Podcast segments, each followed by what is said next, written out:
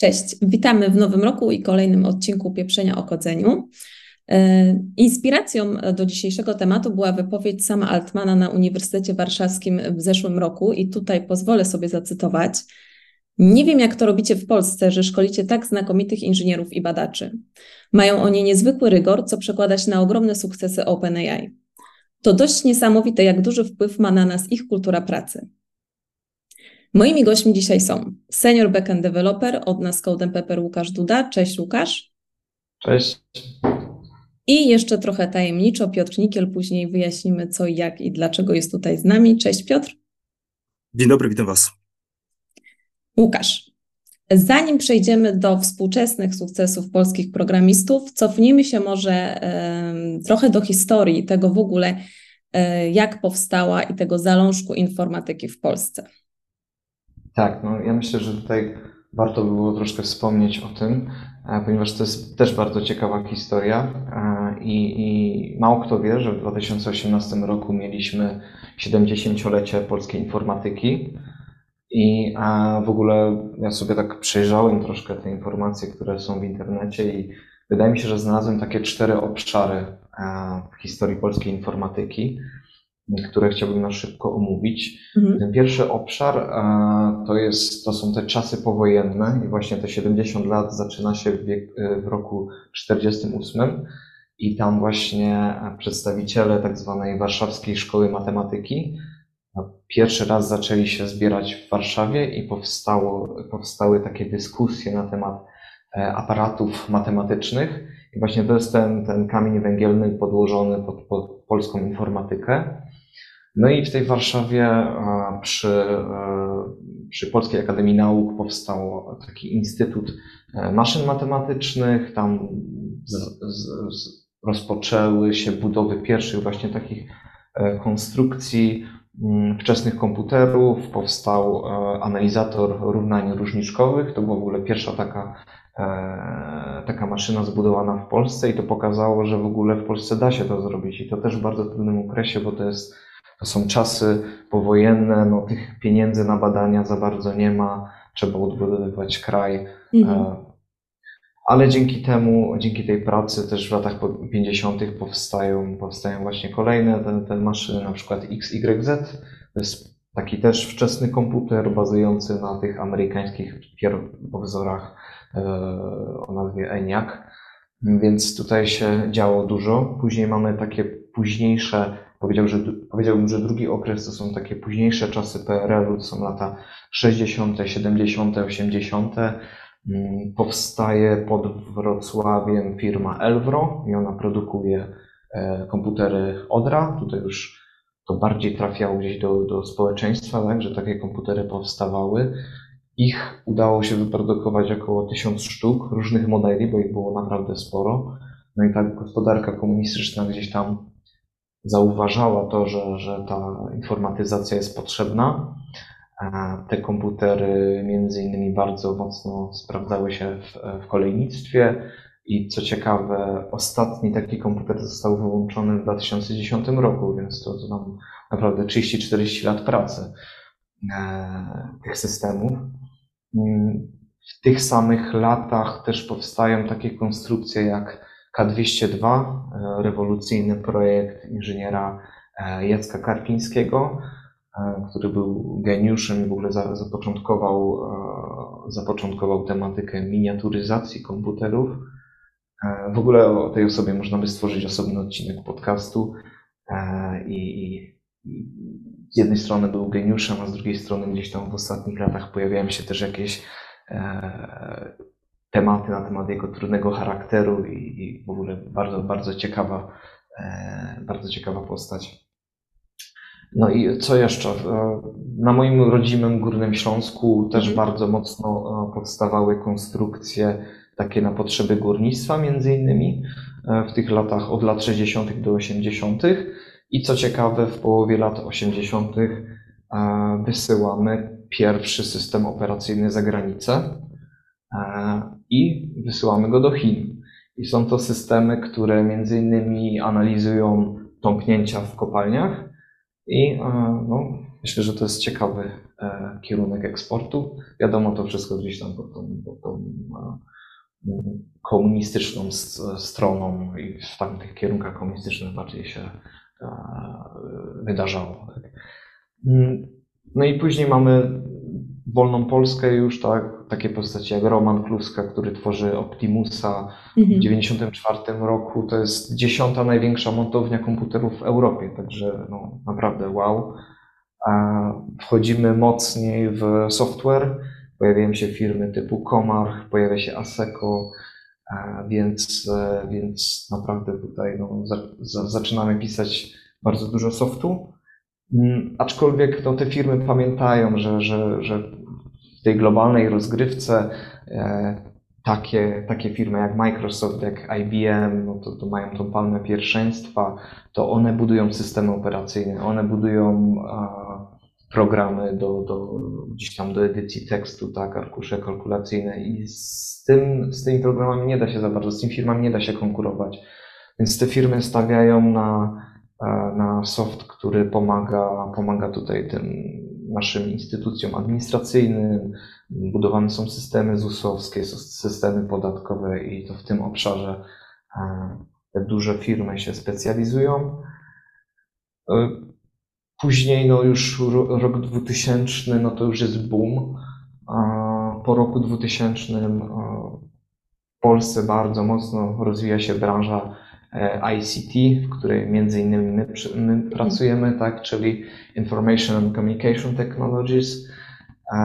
Zaczynamy dostawać te zlecenia z zagranicy, coraz więcej software house'ów powstaje, pojawia się branża gier. Mm, no i w 2023 roku w Polsce pracuje już ponad pół miliona ludzi w tej branży. Tutaj trzeba dodać też, e, trzeba to zaznaczyć, że to nie, wszyscy, to nie, nie wszystkie te osoby pracujące w tej branży są programiści, tak? To, to też są e, specjaliści z jakimś językiem obcym, którzy na przykład obsługują rozliczenia mm, podatników w Niemczech. Nie? To też jest ta branża, ale niemniej jednak e, liczba tych ludzi pracujących w tej, tej branży jest spora. E, I taka ciekawostka jeszcze, e, w 2023 roku jeden z profesorów z Wydziału Matematyki na Uniwersytecie Warszawskim przypominał nam o tym, że Uniwersytet Warszawski od 1994 roku awansuje do finałów za każdym razem na akademickich mistrzostwach świata w programowaniu i dwa razy zdobywa mistrzostwo, więc tutaj ten background akademicki i uniwersytecki jest bardzo solidny. E, no i to tyle na szybko, jeśli chodzi o historię. Okej, okay, dzięki. Bardzo ciekawy zarys historyczny. Nie sposób, jeśli tutaj mówimy o rozwoju technologicznym już światowym, nie wspomnieć o Dolinie Krzemowej. Czy wiesz coś na temat właśnie Polaków tam pracujących, jak duże to społeczeństwo e, polskich programistów tam jest, jaki mają wpływ na rozwój tamtejszych technologii? Mhm. No tutaj też Dolina Krzemowa to temat rzeka, e, ale ja e, szybki, szybki wstęp, bardzo szybki. Mhm. Musimy pamiętać o tym, że, że gdzieś tam w wyobrażeniach tej Doliny Krzemowej mam coś takiego, że tam są tak te garaże, paru gości się znalazło, stworzyło sobie kilka startupów i, i, i tak ta dolina gdzieś tam wybuchła. I szczerze mówiąc, też po, po przeczytaniu kilku książek, między innymi Innowatorzy, którą, którą bardzo polecam, też miałem trochę takie wyobrażenie, ale jak wgłębiałem się bardziej w, ten, w, ten, w tą tematykę, no to e, okazało się, że Dolina Krzemowa to jest tak naprawdę kolejny produkt armii amerykańskiej. Ponieważ e, zaraz obok e, takich przedsięwzięć jak NASA czy internet, które są gdzieś tam wypadkową tych inwestycji zbrojeniowych, tak samo wydarzyło się to z Doliną Krzemową, ponieważ przed II wojną światową w Stanach są dwa ważne, e, dwa ważne centra takie technologiczne, to jest Harvard i MIT, a po wojnie właśnie te inwestycje w Stanford University powodują, że, że on urasta do potęgi technologicznej i te wszystkie kadry, które stamtąd się wywodzą, miały bardzo duży wpływ na to, że to otoczenie wokół, wokół Stanforda budowało swoje biznesy i, i no, no, tam, tam wszystko to wybuchło tak naprawdę dlatego, bo tam były mocne podwaliny w postaci Uniwersytetu Stanforda. Ale jeśli chodzi o polską społeczność, tutaj właśnie dziennikarze, różni dziennikarze mówią, że nawet do 30 tysięcy Polaków tam pracuje, co wydaje się trochę ogromną liczbą. A ja to troszkę zweryfikowałem, zaraz powiem, bo fajny kontakt udało mi się złapać e, z jedną osobą, która tam jest. E, z naszej perspektywy takiej software house'owej my myślimy tylko o, inżynierach, ale trzeba pamiętać, że e, masę Polaków w Silicon Valley, szczególnie w tych czasach, czyli tak wspominałaś o tym OpenAI-u, to są też naukowcy, mhm. ale też obok nich to są też biznesmeni, ponieważ oni też e, wyjeżdżają do, do Stanów, tak, otwierają tam biznesy. I tutaj, tutaj też taka historia ciekawa, że właśnie jak się otwiera ten biznes jakiś narodowy, powiedzmy, e, w Dolinie Krzemowej, no to mimo wszystko e, nie emanuje się jednak tą narodowością, że jeżeli robi się biznes do niekrzemowej, nie mówimy o tym, że jesteśmy polskim startupem, tak? My działamy na rynku amerykańskim, mamy dostęp do tych, do tej e, społeczności amerykańskiej, my, my robimy dla nich biznes, tak? Nawet jeżeli cała firma pochodzi z Rosji, to, to nikt o tym nie mówi, że to jest rosyjski startup, tak? Znaczy rosyjski to jeszcze jestem w stanie zrozumieć, ale dlaczego nie, dlaczego nie mówić, że polski? E po prostu tak jest, nie? Po prostu. E, ja nie mówię o tym, co my mówimy, ale to o tym, jak oni się przedstawiają w tej, w tej społeczności startupowej tam, nie? Że nie mówią, że są startupem z Polski, tylko po prostu oni pracują w Dolinie Krzemowej, oni są z Doliny Krzemowej, tak? A to nie jest trochę tak, że Amerykanie właśnie lubią sobie przypisać czyjeś wynalazki e, i żeby później było, że to jednak w Ameryce powstało? Ciężko mi powiedzieć, nie wiem. No, na pewno no, Kalifornia i Dolina Krzemowa wytwarza teraz 10% PKB Stanów Zjednoczonych. Mhm. Nie? To, jest, to są ogromne, ogromne pieniądze tam. E, ale nie umiem odpowiedzieć na to pytanie. E, jeśli chodzi, jeśli chodzi o tą polską społeczność, to co ona uwielbia w Dolinie Krzemowej, to jest e, przede wszystkim otwartość, to jest kultura onboardingu do firmy jest to mhm. bardzo częsty feedback, e, możliwości rozwoju, bardzo dobre zarobki oczywiście.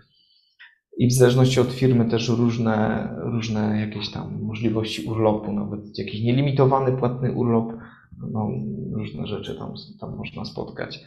E, no a jeśli, jeśli, e, jeśli właśnie mówimy o tych, o tych pracownikach i czemu, czemu jest taki nacisk, żeby z tymi pracownikami fajnie współpracować, to, to w Dolinie Krzemowej jest takie trio. Pracodawca, pracownik, inwestor. I często jest tak, że ten pracownik później, za rok, za dwa, może stać się pracodawcą albo inwestorem, więc nie warto polić mosty, warto być otwartym, warto mieć jakiś szacunek do drugiego człowieka i to jest bardzo ważne tam. Oczywiście coś za coś, Często jest tak, że ci specjaliści pracują po 70 godzin w tygodniu, tak? czyli 14 godzin na dzień około. Tak, z tego Ameryka też słynie, że oni bardzo ciężko pracują, dużo i długo. Tak. Coś jeszcze? E, w sumie nie, ale możemy już przejść do tego tematu o Polakach OpenAI. Chyba, tak, ja bardzo na niego czekam, nie ukrywam i bardzo też głośno było e, w tym temacie, ale też właśnie Polaków, którzy nawet jak sam Altman był tutaj w Polsce, to był też właśnie z trzema Polakami, tymi najważniejszymi w OpenAI y, i opowiesz tam może więcej na ten temat, jak tam ta społeczność w OpenAI wygląda, bo wiem też, że jest bardzo duża i bardzo duży wpływ w ogóle na powstanie OpenAI mieli sami Polacy. Tak, no y, oczywiście OpenAI no to najgorętszy temat w ciągu ostatnich dwóch lat, tak, twórcy czata GPT. Były czasy, kiedy e, Polaków OpenAI na 50 osób było 10, więc no to jest 20% firmy, ale to trzeba po prostu być, no, przyznać, że to było dawno temu. Tak? Teraz tych pracowników jest prawie 800, ale ciągle e, Polacy tam bardzo, bardzo, mm, bardzo mają, mają bardzo duży wpływ na tą firmę. I ja tutaj chciałem przedstawić cztery takie osoby, które mają największy wpływ moim zdaniem na tą firmę. To jest Wojciech Zaręba przede wszystkim, czyli a kiedy OpenAI był zakładany w 2015 roku, no to, to firmę zakładało takie grono inwestorskie. Tam był między innymi e, aktualny prezes Sam Altman, był Elon Musk, był Peter Thiel, e, ale też duże firmy jak e, AWS. I oni właśnie zakładali te OpenAI, no i zaprosili tam do tego OpenAI dziewięciu naukowców z, ten, właśnie z branży sztucznej inteligencji. Tam znalazł się Wojciech Zaręba, więc tutaj można go tytułować tym współtwórcą tej, tej firmy, tego startupu. E, później mamy e, Jakuba Pachockiego i Szymona e, Sidora. Oni są badaczami. Pierwszy jest dyrektorem do spraw badań, mm, który skończył wcześniej poddoktorskie stypendium na Harvardzie. A Szymon Sidor to jest w ogóle kolega z klasy tego Jakuba Pachuckiego, więc oni razem uczęszczali do jednego liceum w Gdyni. E, Szymon Sidor e, skończył Cambridge University, później MIT, jest od 7 lat w OpenAI i jak sam opowiada, studia w UK były fajne, ale niezbyt wymagające. Wciąż uważam, że to liceum najbardziej mnie ukształtowało jako informatyka. Myślę, że, że no ciekawe spostrzeżenie.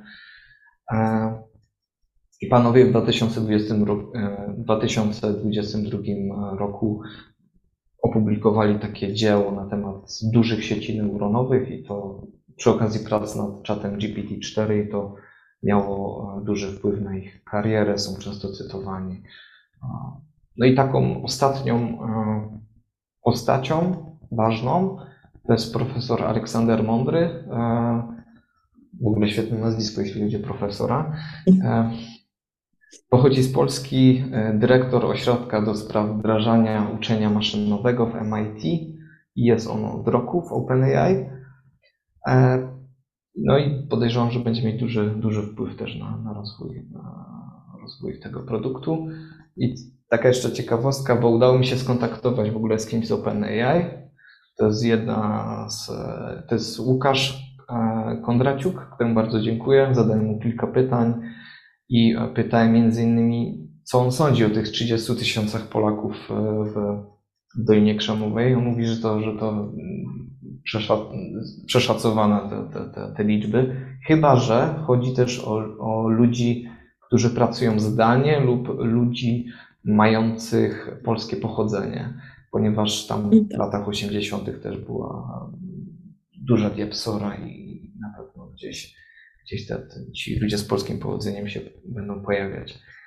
E, pytałem o to, jak to jest z tymi Polakami, czy mamy jakieś specjalne cechy, e, ale on uważa, że tym wyznacznikiem sukcesów Polaków w OpenAI jest ciężka praca i solidne przygotowanie matematyczno-ścisłe tylko z, tym, z, z uwagą, że widzi to samo między innymi u Ukraińców, Białorusinów i Rosjan, z którymi miał okazję pracować, tak? Czy gdzieś tutaj Europa Wschodnia e, ma jakieś wspólne cechy.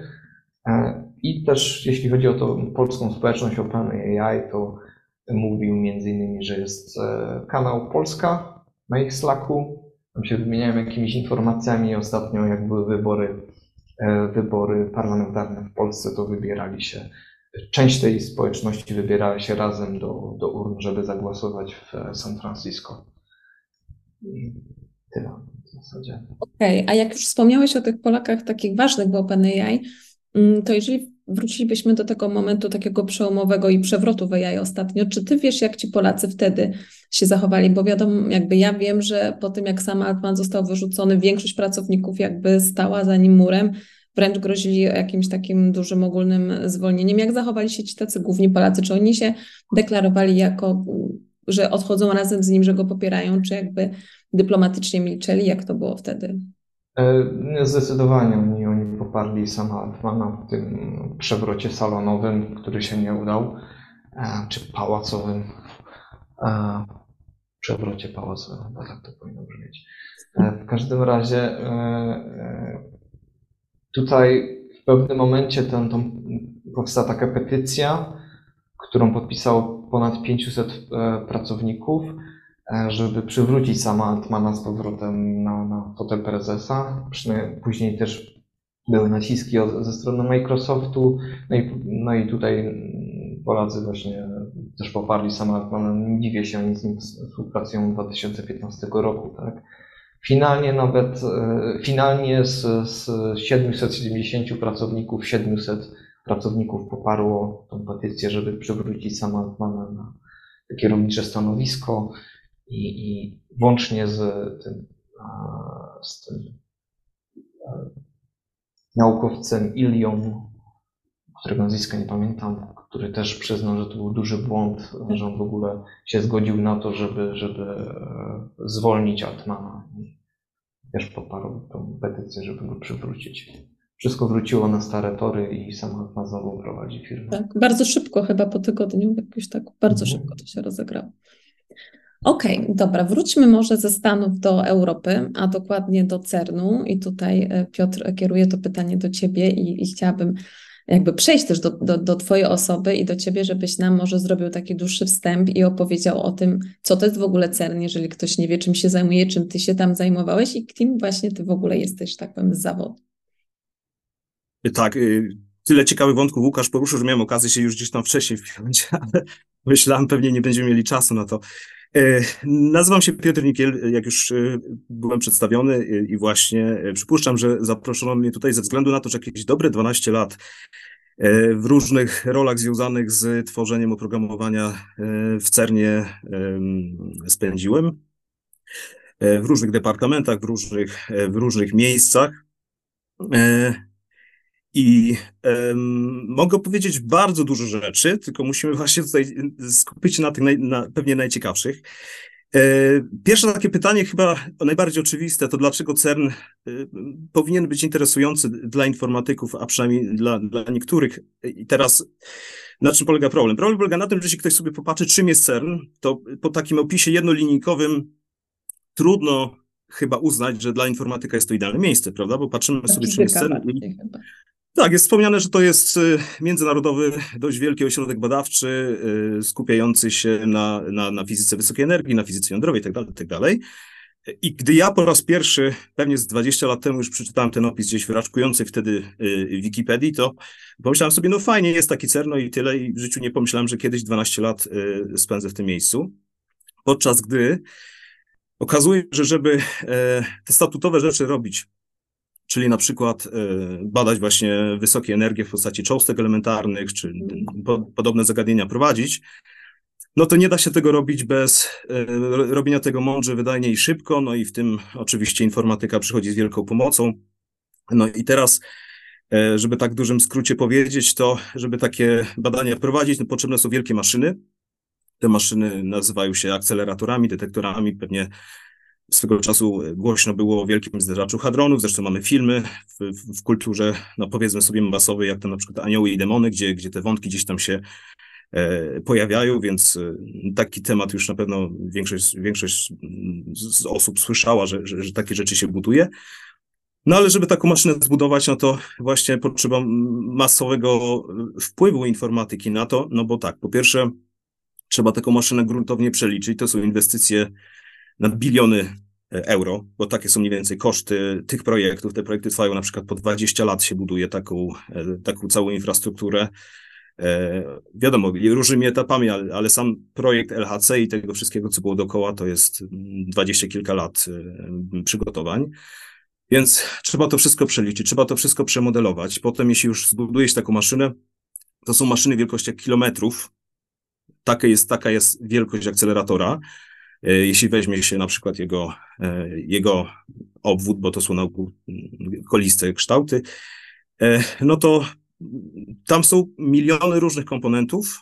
Te komponenty robią różne ciekawe rzeczy. No i jedyna opcja, żeby to wszystko do kupy złożyć, żeby mieć z tego jakiś pożytek, zastosować software różnego rodzaju, przemyśleć, wybudować wielkie systemy, dane, które się gdzieś tam pojawiają, gdzieś trzeba zachować, no i żeby ten cel statutowy, czyli to, za co, za co CERN dostaje pieniądze, czyli różnego rodzaju research, e, wykonać, no to dane trzeba oczywiście analizować, więc jeśli teraz bierzemy do kupy to wszystko, co powiedziałem, no to mamy zagadnienia od czystej obliczeniówki przez algorytmy, przez data science, przez wszystkie w zasadzie również te najnowsze warianty data science, bo to się gdzieś tam pojawia, potem przez, przez obliczenia rozproszone, przez obliczenia równoległe i potem takie rzeczy, jak, jak to praktycznie zrobić, czyli jakieś karty graficzne, układy FPGA, SOC, E, inżynieria oprogramowania się gdzieś tam pojawia, a na samym końcu, i to wydaje mi się jest taka wisienka na całym torcie, dla nas informatyków powinna być chyba najważniejsza, jest to, że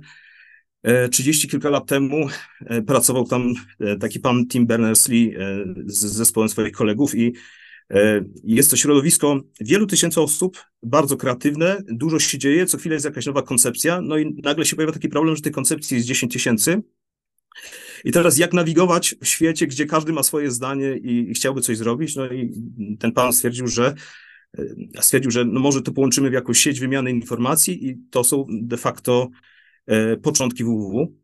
Mhm. I wydaje mi się, że, że z tego dla informatyków CERN powinien być najbardziej znany, mimo że obecnie CERN w zasadzie nie robi niczego, co jest związane z rozwojem, z rozwojem mm, technologii webowych, Specjalizuje się raczej w innych rzeczach, ale trzeba powiedzieć, że, że był tym pierwszym miejscem, gdzie, gdzie to powstało. E, no i jeszcze wiele, wiele, wiele innych rzeczy, już nie, nie chciałbym może tak długo e, okay. wszystkiego wymieniać. Okej, okay, więc ty pracowałeś jako programista, więc może powiedz nam więcej, jakby w jakim staku, jaki tam w ogóle jest tak i gdzie ci programiści, którzy gdzieś tam w przyszłości marzą o pracy w CERNie, w jakim kierunku mają iść? Wiesz co, ja pracowałem, e, pracowałem na de facto różnych rolach, no gdzieś tam kończyło się to e, rolą architekta już takich większych systemów zintegrowanych, mhm. natomiast e, Natomiast ja pracowałem w, głównie w systemach, które mówi się, że to są systemy online, czyli to są te rzeczy, które, wiesz, jakby jeśli masz taki strumień danych, który gdzieś tam płynie i musisz to przetwarzać. I, i jakby są, jest taka główna klasyfikacja, jak chodzi o programowanie, które się tam robi, że albo jesteś po tej stronie online, czyli tego wszystkiego, co na bieżąco e, pracuje z tym, co dostajesz, i albo jesteś po stronie offline, czyli po, po, stronie offline pracują głównie obliczeniowcy i oni po prostu mogą wyciągnąć te dane z, z jakichś tam baz danych czy takich rzeczy i, i, i wymyślać coraz lepsze algorytmy, jak, jak e, zbadać, e, co tam się stało w danych procesach fizycznych, no i potem dostają Noble za to. Natomiast ludzie od online'a, to ja na przykład głównie pracowałem w sterowaniu tymi wszystkimi maszynami, w, w takim przetwarzaniu bieżącym.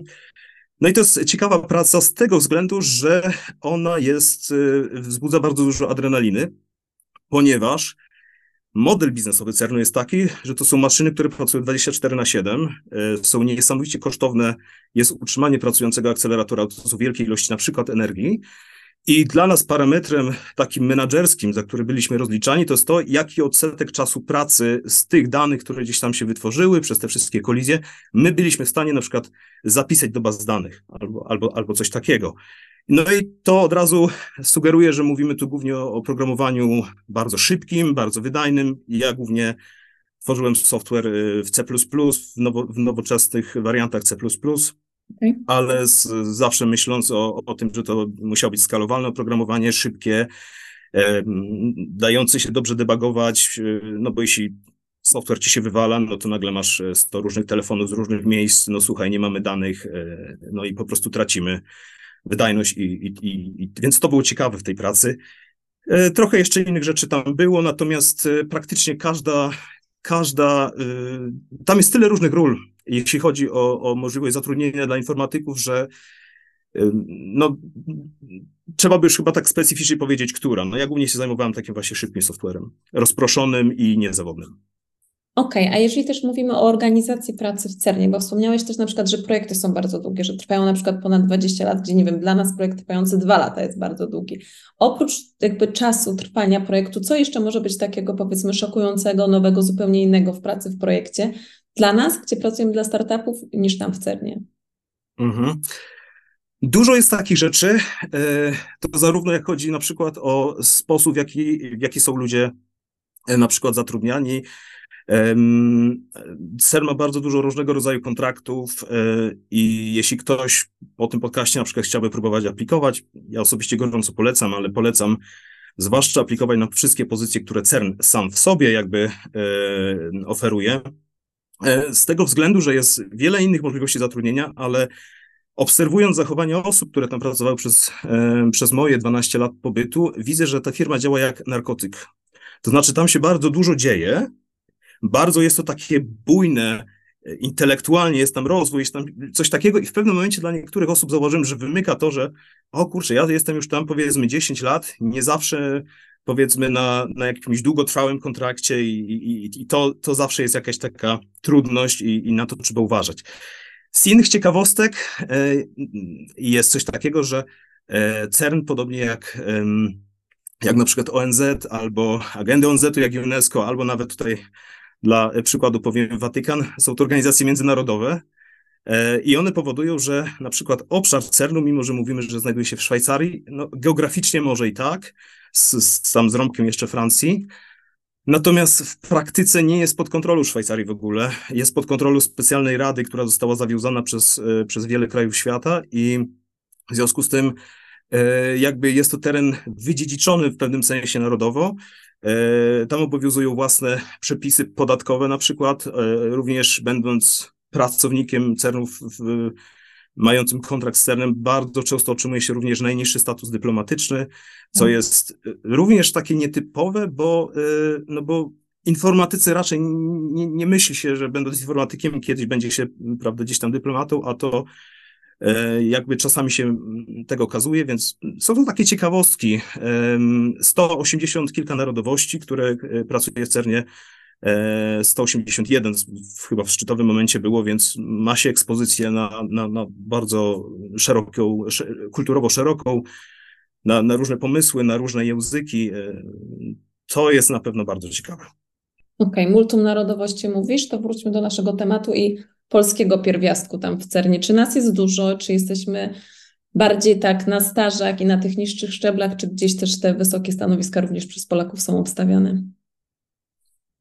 Wydaje mi się, że i tu, i tu, przy czym na tych e, stanowiskach, gdzie trzeba po prostu ciężko pracować, e, mądrze, ale ciężko, to wydaje mi się, że na tych stanowiskach jesteśmy od zawsze.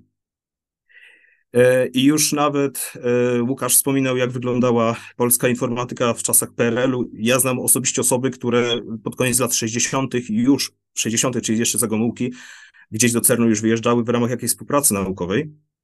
E, I oczywiście skala wtedy była znikoma. Obecnie Polaków było kilkuset, jeśli dobrze pamiętam, była to liczba około 700 osób zarejestrowanych w bazie danych personelu, co stanowi jakieś 5, około, około 5% z, z tego personelu, więc ktoś by powiedział, może to nie jest jakoś, te 5% nie jest jakoś bardzo dużo. Z drugiej strony, z drugiej strony, proszę zwrócić uwagę, że to jest 180 narodowości, więc jeśli mówimy o 180, to te 5% to jest jednak jakaś konkretny odsetek.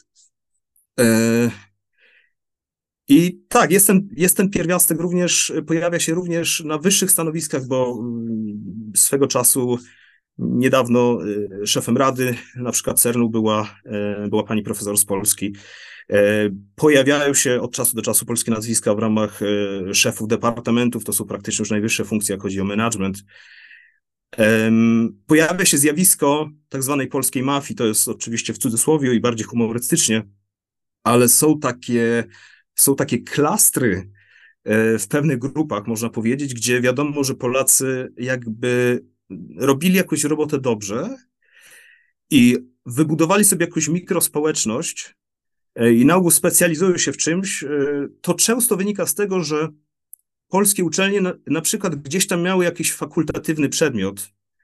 E, na przykład Politechnika Warszawska swego czasu zajmowała się rzeczami związanymi z synchronizacją czasu dla przykładu, co ktoś by powiedział, dlaczego to miało być ciekawe, prawda? I to nagle się okazało, że jest taka firma, e, firma, organizacja jak CERN, gdzie ten temat nagle jest bardzo istotny z punktu widzenia e, bardzo złożonych systemów komputerowych, które muszą synchronicznie pracować.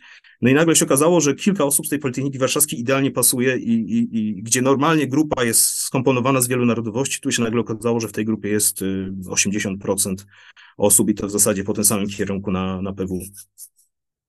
Okej. Okay. CERN jest taką już długo istniejącą instytucją, jakby zupełnie nie można go porównać do tych nowoczesnych startupów, nawet dużego OpenAI, który jest dosyć jednak świeży. Czy cen jakby dla tych młodych programistów jest atrakcyjny, jeżeli chodzi o technologię właśnie, jeżeli chodzi o kulturę pracy, czy on się zmienia raz wraz z duchem czasu, czy jakby zostaje w tych takich swoich starych korzeniach i przyzwyczajeniach? Tak, to jest bardzo prowokacyjne, e, prowokacyjne pytanie, ponieważ można e, bardzo różnie na nie odpowiedzieć, ale powiem w ten sposób. E, to jest organizacja, która jest bardzo zróżnicowana. I to jest z jednej strony siła, z drugiej strony jest to wada w pewnym sensie.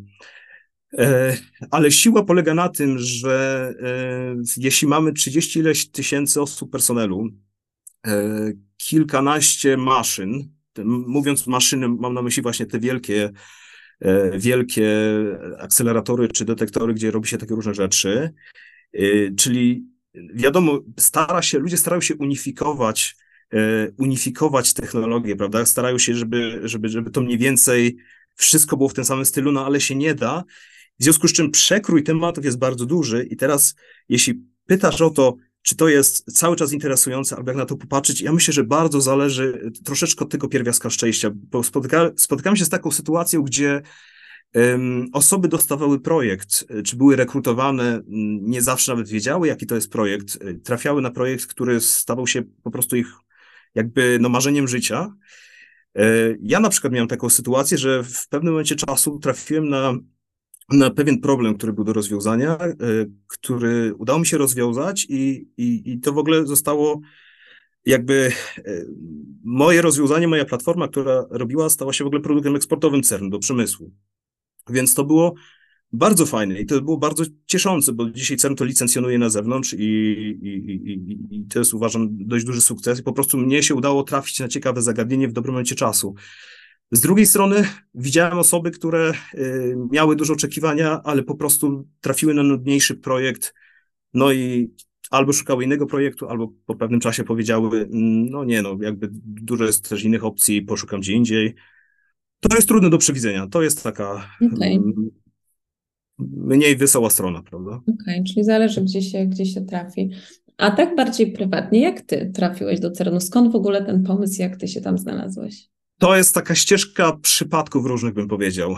Mm. to znaczy, zaczynająca się od tego, że kiedyś przez przypadek przeczytałem o Sernie, ale opis nie był dla mnie zachęcający, ponieważ nie bardzo czułem, dlaczego ja bym w ogóle miał e, cokolwiek e, wspólnego mieć z, mieć z jakimś laboratorium fizyki. Potem gdzieś do mnie to dotarło, że to znajduje się nad Jeziorem Genewskim, Natomiast z racji tego, że była taka pewna piosenka, która zawsze mnie fascynowała od, od dziecka, może nie będę mówił jaka, ale część osób może zgadnie, ona jest o Jeziorze Genewskim, bo bardzo marzyłem, żeby zobaczyć to Jezioro Genewskie, natomiast w czasach, gdy byłem Miałem, byłem nastolatkiem, to był 2000, tam któryś rok, y, absolutnie nie, nie było mnie stać na, na wyjazd do Szwajcarii w, ty, w tych czasach. W związku z czym zawsze gdzieś to zostało, że zawsze to jezioro genewskie będę chciał zobaczyć. No i e, dalsza część historii ma już miejsce, gdy studiowałem E, na Politechnice Krakowskiej i tam poznałem profesora, który, który współpracował z CERNem i podobało mi się jego, podobało mi się to, co, czym się zajmował. On gdzieś tam przekierował mnie do kogoś innego e, i zupełnie nieświadomie ta inna osoba powiedziała mi, a słuchaj, wiesz co, fajnie to wyszło, to może zobaczysz, może uda ci się wziąć udział we wdrożeniu tego prosto do, do jakiegoś tam wynalazku wtedy w CERNie. A ja mówię, a no może okej, okay. wiesz, pojedziesz zobaczyć Jezioro Genewskie, ja wiesz, wtedy dopiero połączyłem wszystkie rzeczy do kupy, nie? I jakby y, w pewnym momencie uświadomiłem sobie, dobra, że to, co, o czym zawsze ch chciałem, po prostu pojechać, zobaczyć to miejsce. Yy, udało mi się wyjechać na pierwsze yy, praktyki studenckie, to było już mnóstwo lat temu, na trzy miesiące. No i miejsce spodobało mi się bardzo. No i tak potem różnymi dalszymi kroczkami finalnie yy, 12 lat mi zeszło w tym pięknym miejscu, dlatego że dla mnie, dla mnie jakby CERN to było po prostu miejsce pracy, robiłem tam dużo ciekawych rzeczy, ale miejsce do życia jako, jako obszar na Ziemi uważam, że jest absolutnie fascynujący, bardzo bogaty kulturowo. E, jeśli ktoś kocha outdoor, to, to może się zakochać. To właśnie uprzedziłeś moje kolejne pytanie, czy udało Ci się jakby połączyć piękno tego miejsca i to jakby niezwykle geograficzne właśnie położenie CERN-u razem z pracą w CERNie. Czy korzystałeś z tego, jakby z tych okolic, czy poświęciłeś się zupełnie tylko i wyłącznie pracy? Powiem w ten sposób. E, mieszkając e, w Polsce mniej więcej do 21 chyba roku życia, na przykład nie znosiłem zimy. Dla mnie zima to po prostu było. No nie będę tutaj, po prostu muszę powstrzymywać wyrazy. Nie znosiłem, nie znosiłem, nie znosiłem zimy, nie? I nagle e, wyjechałem tam, już takie pierwsze te dłuższe kontrakty miałem, miałem już 20, nie wiem, 6 czy 7 lat chyba wtedy i e, w zimie, w weekendy w pewnym momencie zauważyłem, że ludzie wyjeżdżają, po prostu nikogo nie ma. Normalnie jest z kim się spotkać, można, można na jakieś spotkanie się wybrać, można pójść na miasto i tak dalej. W weekendy ludzi nie ma. No i w pewnym momencie zacząłem, zaczęło mnie to bardzo przygnębiać, co się dzieje. No i po prostu się okazało, że wszyscy są w górach. Co nie było szokujące, że są w górach, bo w lecie też byłem praktycznie cały czas w górach, no ale okazało się, że jedyna opcja to jest pójść na narty. Ja nigdy nie miałem do tego skłonności za mocnych, a potem się nagle okazało, że, że pokochałem zimę na przykład, nie? I nie wyobrażam sobie dzisiaj zimy bez e, nart w Alpach. A tam jest sytuacja taka, że jesteś godzinę może od, możesz wyjść z pracy nawet, chwilę wcześniej, i w przeciągu niecałej godziny możesz być na nartach w Alpach, nie? I to jest, e, to jest po prostu, to jest piękne. To jest na przykład wspaniałe, mi się wydaje. Także praca była ważna oczywiście, natomiast wszystkie rzeczy, które działy się oprócz tego, e, to jest takie miejsce, które skupia bardzo dużo różnych kultur, bardzo dużo narodowości. Obok jest Politechnika w Lozanie, bardzo słynna. E, kawałek dalej jest oczywiście też Curych, w zasadzie jest się w centrum, w centrum Europy, moim zdaniem. E, I takim dobrym centrum, bo ono nie jest przytłaczające, bo Szwajcaria y, jest. Y, tam się nie czuje jakiejś presji. Więc to nie jest, to nie jest chyba tak jak w Nowym Jorku, że się jest centrum świata, ale obok ma się kilkanaście milionów ludzi i, i czasami człowiek jest przytłoczony. Wydaje mi się, że Szwajcaria ma to piękno, że jest centrum, a, a nie jest przytłaczający. Mhm. Ja chciałbym dodać, że też byłem kilka razy w Szwajcarii. Uwielbiam ten kraj, jest fantastyczny. Też byłem nad Jeziorem Geneckim, jest no, super, naprawdę no, same fantastyczne wspomnienia. To nie pozostaje mi nic innego, jak tylko pojechać i zobaczyć, bo jedyna nie byłam. E, ale wróćmy jakby do naszej tezy z samego początku, do tego, co powiedział sam Altman i on nie jest jakby odosobniony w tej opinii. Mamy w świecie, jest to jakby branża IT, jest z niewielu w ogóle branż, gdzie, gdzie Polacy są tak doceniani i to jest fakt, jakby jest to udowodnione. Mm, czy myślicie, czy wydaje Wam się, czy kiedyś rozmyślaliście w ogóle, czy rzeczywiście mamy jakieś takie aspekty kulturowe, coś jest w naszej mentalności takiego, że, że te umysły takie analityczne, matematyczne, informatyczne są tutaj e, takie wyjątkowe? Łukasz, co myślisz? E, szczerze mówiąc, nie wiem. Naprawdę nie wiem. Albo to jest kilka różnych takich e, cech, które się skumulowało. Ja nie jestem w stanie tego jakoś wyodrębnić, ale widzę, że jest też różnica taka, jeśli mówimy o tych mm, branżach czysto akademickich i takich bardziej biznesowych, bardziej rzemieślniczych tej, tej branży ICT. I myślę, że w tych branżach akademickich, to jest taka moja subiektywna opinia, może mieć wpływ na to tak jakby doświadczenie pokoleń, tak? Że to gdzieś tam z tyłu, że to z lat tych 40. biorą się doświadczenia, może to jakoś się nakładało, tak zbierało się te doświadczenia, ci profesorowie przekazywali swoim studentom e, tą wiedzę i gdzieś to jakoś narastało, nie? tak sobie myślę. Bo w tej branży ICT, w której też pracuję, widzę znowu, mm, że jesteśmy dosyć prężną społecznością, tak? W sensie, ja sobie wszedłem na, na taką, taki portal, który kolekcjonuje e, informacje o konferencjach e, programistycznych.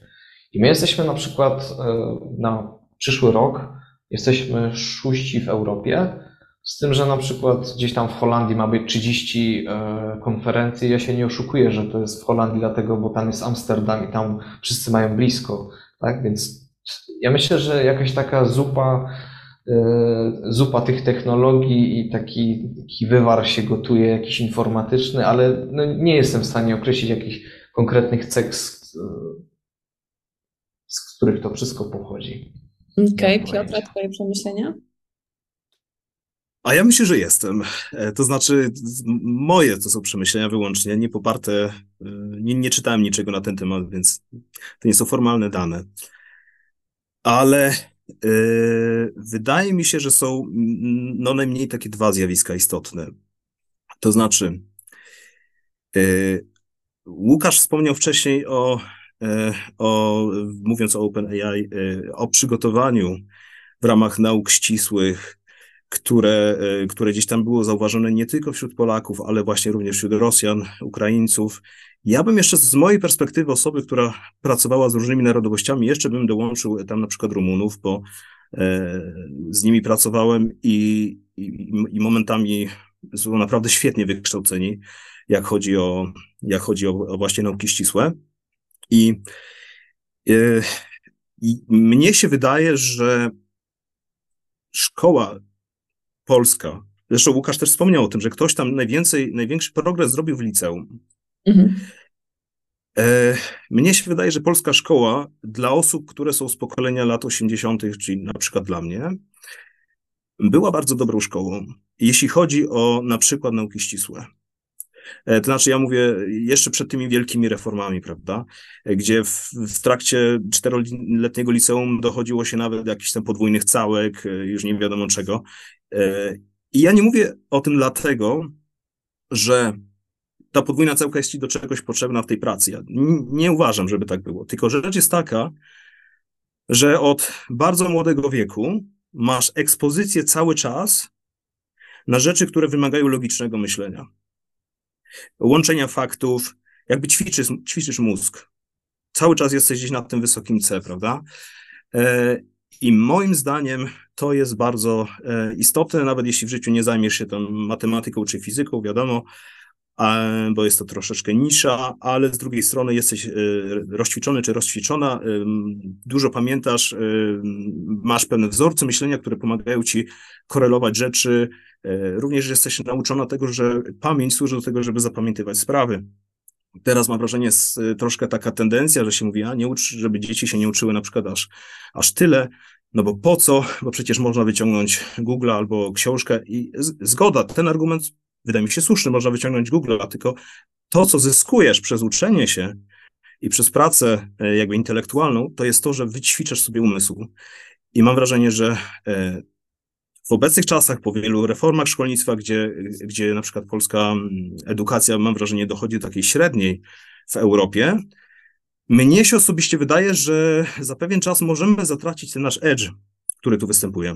Mhm. E, to znaczy po prostu mm, no, będziemy mieli pokolenie osób, które nie będą już tak wyćwiczone intelektualnie, może będą w czymś innym lepsze. To jest też taka opcja, ale to możemy stracić. To jest pierwszy czynnik, który mi się wydaje, czyli właśnie, właśnie wykształcenie i, i, i, i ćwiczenie umysłu przez, przez, od, od dziecka dość intensywne. Pierwszy czynnik. Drugi czynnik, mi się wydaje, że motywacja. Zwróćcie uwagę, że wszystkie, wszystkie historie, które przekrojowo pisał Łukasz, odnosiliśmy się w różny sposób. Mówimy o osobach, e, które, e, które są jeszcze urodzone w XX wieku.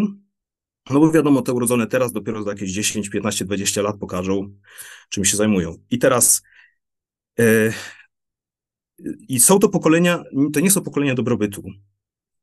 To są pokolenia, gdzie była masowa emigracja, to są pokolenia, gdzie rodzice zostawiali dzieci wyjeżdżali, jak to się mówi w, w cudzysłowie, za chlebem, albo po prostu, żeby, nie wiem, kupić mieszkanie, albo mieć gdzie mieszkać, albo mieć jak wykształcić te swoje dzieci i tak dalej. I mnie się wydaje, że e, to jest czynnik bardzo motywujący do tego, żeby coś osiągnąć. I teraz e, mam wrażenie obecnie, to jest druga rzecz, która się zmienia, bo staliśmy się w zasadzie państwem, no jeszcze nie takiego super dobrobytu, ale ale jednak, ale jednak jest no, nieporównywalnie lepiej niż na przykład 30 lat temu. Ja się osobiście zastanawiam, czy to nie będzie jakiś powód do tego, że ludziom się będzie mniej chciało i będzie mniejsza, y, mniejsza po prostu motywacja do tego, żeby osiągnąć naprawdę świetne rzeczy, czy to w biznesie, czy to jakieś intelektualno-naukowe, czy, czy, czy artystyczne, czy jeszcze coś innego. To są moje przemyślenia. Okej. Okay.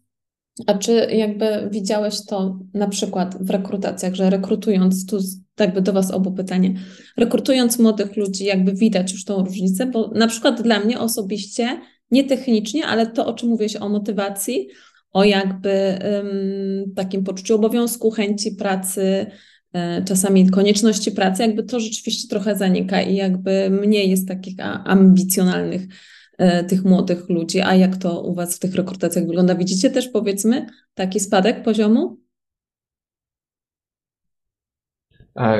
Ja może pierwszy odpowiem. Ja ostatnio dużo nie rekrutowałem, ale faktycznie jak miałem do czynienia jak miałem do czynienia właśnie z tymi młodszymi rocznikami, to, to były jakieś takie y, dziwne zachowania, których wcześniej nie widziałem. Na przykład były wprost zapytania o to, jak poszło i w ogóle czy, czy się nadaje. I to było takie